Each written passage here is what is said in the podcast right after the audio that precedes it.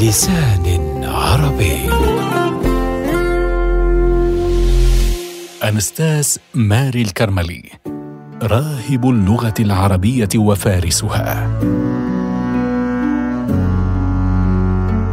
تحت شمس تشبه حياته المضيئة وقرب عابرين أحب دائما الانتساب إلى مدينتهم ينام بهدوء ووداعة عند باب كنيسة اللاتين في بغداد. ملتحفا تراب أرض أحبها وعلى لوحة قبره أبيات شعر كتبت بلغته التي شغلت كل سنين عمره. لطمت صدرها عليك لغات في بوادي الأعراب يوم مماتك وعروس اللغات قد شقت الجيب وقامت تنوح فوق رفاتك. هناك في بغداد التي ولد وعاش وانتسب إليها. يرقد الأب أنستاس ماري الكرملي هادئا ووقورا. تجلله الهيبة ويمنحه المكان المحبة قريبا من الكنيسة وأقرب منها إلى الناس.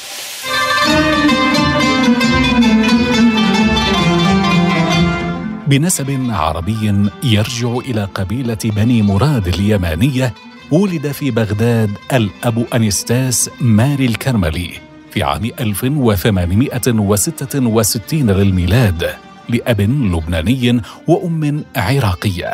كان والده جبرائيل يوسف عواد يعمل مترجما ويتنقل بين البلدان عندما تعرف على فتاة مسيحية اسمها مريم في بغداد. فقرر الزواج منها مختارا ترك الترحل والاستقرار في العراق. شغف الأب الكرملي باليمن معتزا بنسبه الذي يعيده إلى ذلك المكان. وقد قال مرة لوزير الخارجية اليمني في إحدى رسائله أما سبب حبي لليمن واليمانيين فهو أن أصلنا من مراد.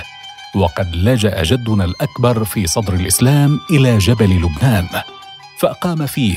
ثم جاء والدي إلى بغداد في عام 1845 فأقام فيها وتزوج.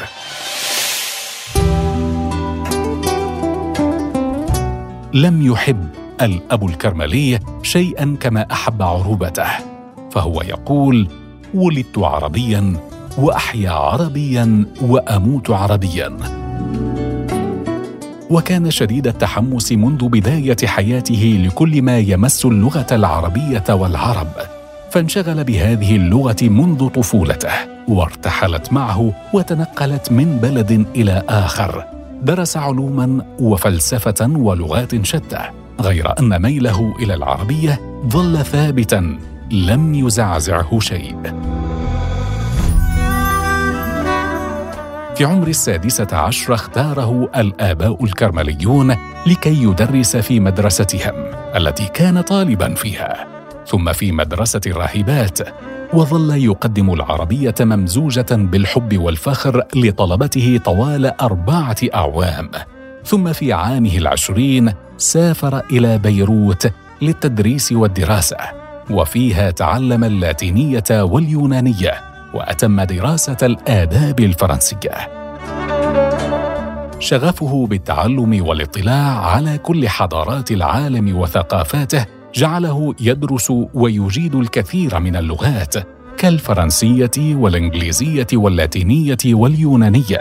ثم حين تعمق في الاطلاع على العربية أعادته إلى المنابع القديمة إلى اللغات المشرقية السامية. فكان يجيد السريانية والعبرية والحبشية. نهل منها كلها وزادته معرفة وفهما للغات ومحبة للغة العربية التي كان يراها مفتاح كل اللغات الأخرى.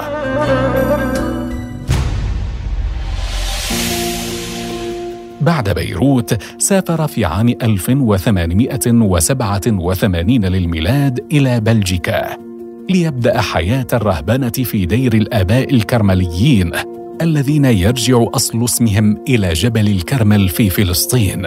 وقد كانوا طائفة مسيحية تميل نحو الزهد والبساطة والتواضع وهي صفات تجسدت في الأب الكرملي واستمرت معه طوال حياته.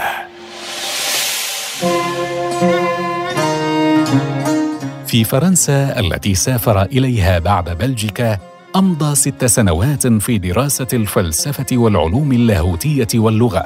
وفي عام 1894 للميلاد رسم قسيسا.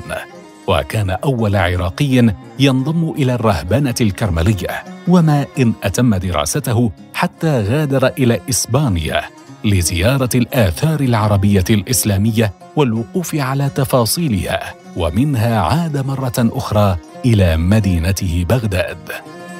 عاش الأب الكرملي في زمن كانت فيه اللغة العربية تكاد تختفي من ألسنة العامة ولا تجد لها عارفا إلا بعض المتخصصين والدارسين. أما غيرهم من بقية الناس فقد اختلطت اللغات واللهجات في ألسنتهم وتمثلت لهم العربية لغة بعيدة المنال صعبة الضبط ولا أهمية لها في حياتهم. وبدل أن يصيبه هذا الحال باليأس أوقد فيه حماسا متقدا لم ينقص يوما. فانشغل باللغة العربية دراسة وبحثا وتنقيبا بين الكتب المخطوطة والمطبوعة فحال العربية لا يسر ومثلها حال العرب. ولكي يستطيع أحد تقديم شيء والنهوض باللغة وأهلها عليه أن يكون واسع المعرفة والاطلاع. جادا ومجتهدا. وهذا تمثل في الأب الكرملي وبعض من رفاقه في العراق والبلدان العربية. كان الكرملي كثير الكتابة يرسل مقالاته وبحوثه إلى مختلف المجلات العربية كالمقتطف والهلال والمقتبس. ثم في عام 1911 استطاع أن ينشئ مجلة لغة العرب. التي كان لها الأثر الكبير على الطلبة والدارسين والشباب في فتح باب اللغة أمامهم وكشف ثرائها وسعتها وجمالها فأقبل عليها كل محب وكتب فيها كل باحث ومؤلف متولع بالعربية وراغب بعودتها. ولم تختص المجلة باللغة العربية وحسب بل كتب فيها الكرملي عن العراق وتاريخه اللغوي وثقافته الشعبية فشكلت موسوعة ضخمة لفهم العربية ومعرفة العراق. عرف الأب الكرملي أن نهوض الحضارات لا يكون إلا عبر لغة تجمع الشعوب وتوحدهم وفي زمنه الذي تشتتت فيه العرب وتمزقوا وضيعوا لغتهم وتراثهم الكبير كانت إعادة الحياة للغة العربية هي الطريق لكي ينهض الناس مرة أخرى ويكتشفوا أنفسهم وماضيهم وليستطيعوا تمهيد الطريق لمستقبلهم. وفي مقالاته وبحوثه التي جاوزت الألف لم يكتف الأب أنستاس باسم واحد في الكتابة فمن الأمور الطريفة التي تعرف عنه استعماله أسماء مستعارة يكتب بها في مجلة لغة العرب والمجلات العربية التي يراسلها. وقد بلغت أسماؤه المستعارة تسعة وثلاثين اسما منها مثلا فهر بن جابر الطائي الذي كان يكتب به في مجلة المقتطف المصرية وبعيث الخضري وكلده ومحقق. ومستفيد وغيرها من الأسماء التي كان يخفي نفسه وراءها ليتيح للنقاد من الشباب أن يردوا على مقالاته بجرأة دون أن يمنعهم اسمه الكبير من ذلك. وكي يتحاشى زملائه من الرهبان المسيحيين الذين لم يكن يعجبهم كثيرا ميله الشديد للعربية. توقفت مجلة لغه العرب عن الصدور في الحرب العالمية الأولى لكنها عادت مرة أخرى في عام 1926 واستمرت حتى عام 1931 ومعها أصدر الأب جريدة العرب وهي سياسية إخبارية ومجلة دار السلام التي تعنى بالعراق وتاريخه وحاضره.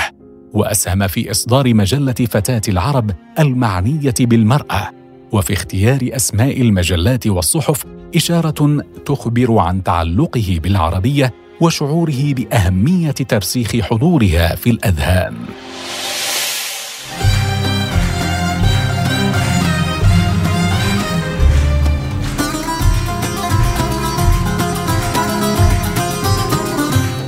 كان للأب الكرملي مجلس كل يوم جمعة يحضر فيه أساتذة وعلماء ومتخصصون في شتى المجالات من العراق والبلدان العربية والأجنبية. يتناقشون ويتحاورون يتبادلون الأفكار والرؤى ويتداولون أخبار الكتب والمطبوعات الجديدة ويحملهم توق للاطلاع على مكتبة الاب أنستاس الهائلة التي تبدو كغابة متشابكة حال الدخول إليها يصير الخروج مستحيلا.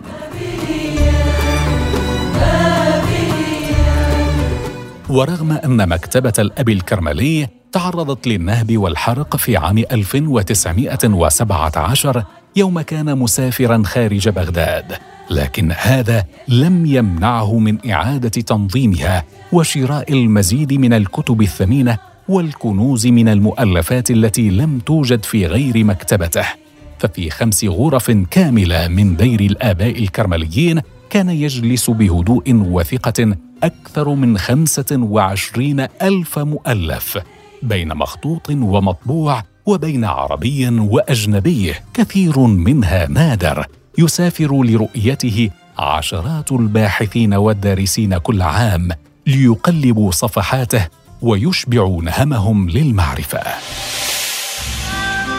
في هذه المكتبة كتب لنا الأب الكرملي مقالاته وبحوثه وفيها ألف كتبه الثمينة فمعجمه الذي سماه المساعد يعد من أثمن المعاجم وأوسعها بخمسة مجلدات وجهد سنوات طوال يعزو الاب الكرملي سبب بدايته بتأليف معجم المساعد إلى فساد اللغة العربية بسبب معجم محيط المحيط للبستاني الذي يتداوله الرهبان بينهم ويعدونه مصدرهم الوحيد للعربية. وهذا دفعه ليقف على أخطائه ويبدأ بتصحيحها والتوسع في دراسة المفردات والكتابة عن تاريخ بعض الكلمات وأصولها.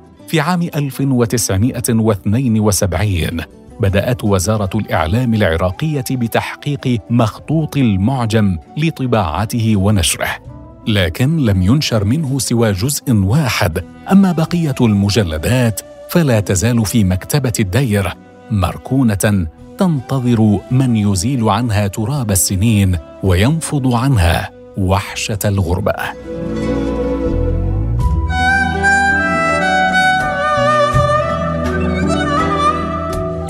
كتب الأب أنستاس الكرملي في مجالات عدة. منها ما يخص اللغة العربية. طبع بعضها ونشر. مثل كتاب أغلاط اللغويين الأقدمين. وكتاب نشوء اللغة العربية ونموها واكتمالها. ورسالة في الكتابة العربية المنقحة.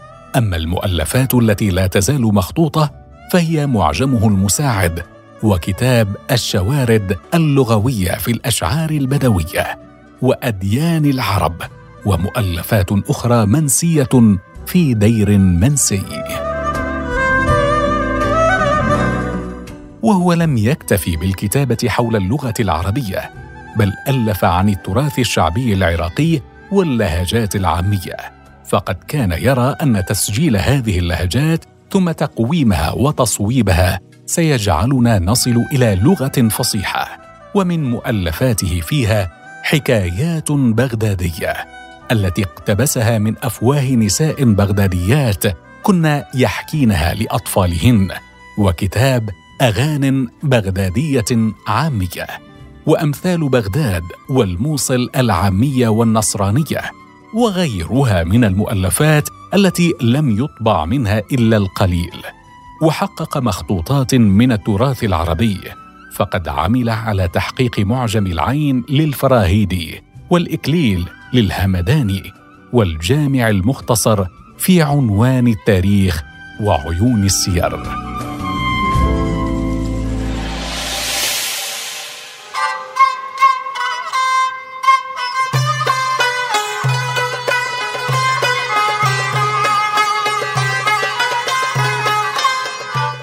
بدأ الأب أنستاس ماري الكرملي المكتبة العربية بمؤلفاته ومقالاته وأثرى حياة وعقول شباب وباحثين كثر هو الذي كرس حياته لخدمة اللغة العربية وأهلها بشعور كامل بالانتماء لهم والرغبة بنهوضهم من غفوتهم.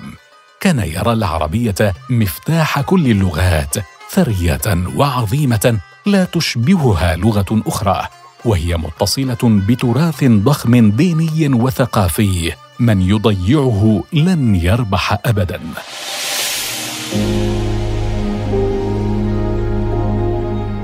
في أيامه الأخيرة مرض واشتد عليه الألم ولم يظل بعد ذلك طويلا. فقد وافاه الأجل في كانون الثاني من عام 1947 للميلاد. شيعه الآلاف من طلابه ورفاقه ومحبيه. وفي جنازته ببغداد حضر العرب بمختلف أديانهم ليودعوا من كانت وصيته فيهم اللغة والعروبة والا ينسوا فضلها وقيمتها.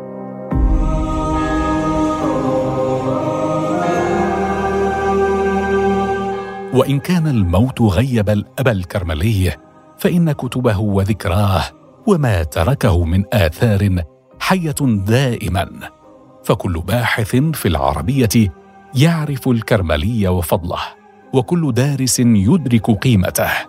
أما مؤلفاته فهي ضياء يخفف عتمة الأيام وأمل كلما استوحشت العربية وخافت الاضمحلال بأن هناك من سينقذها. وفي هذا الأمل حياة أبدية للكرملي العاشق لها والمفني حياته من أجلها.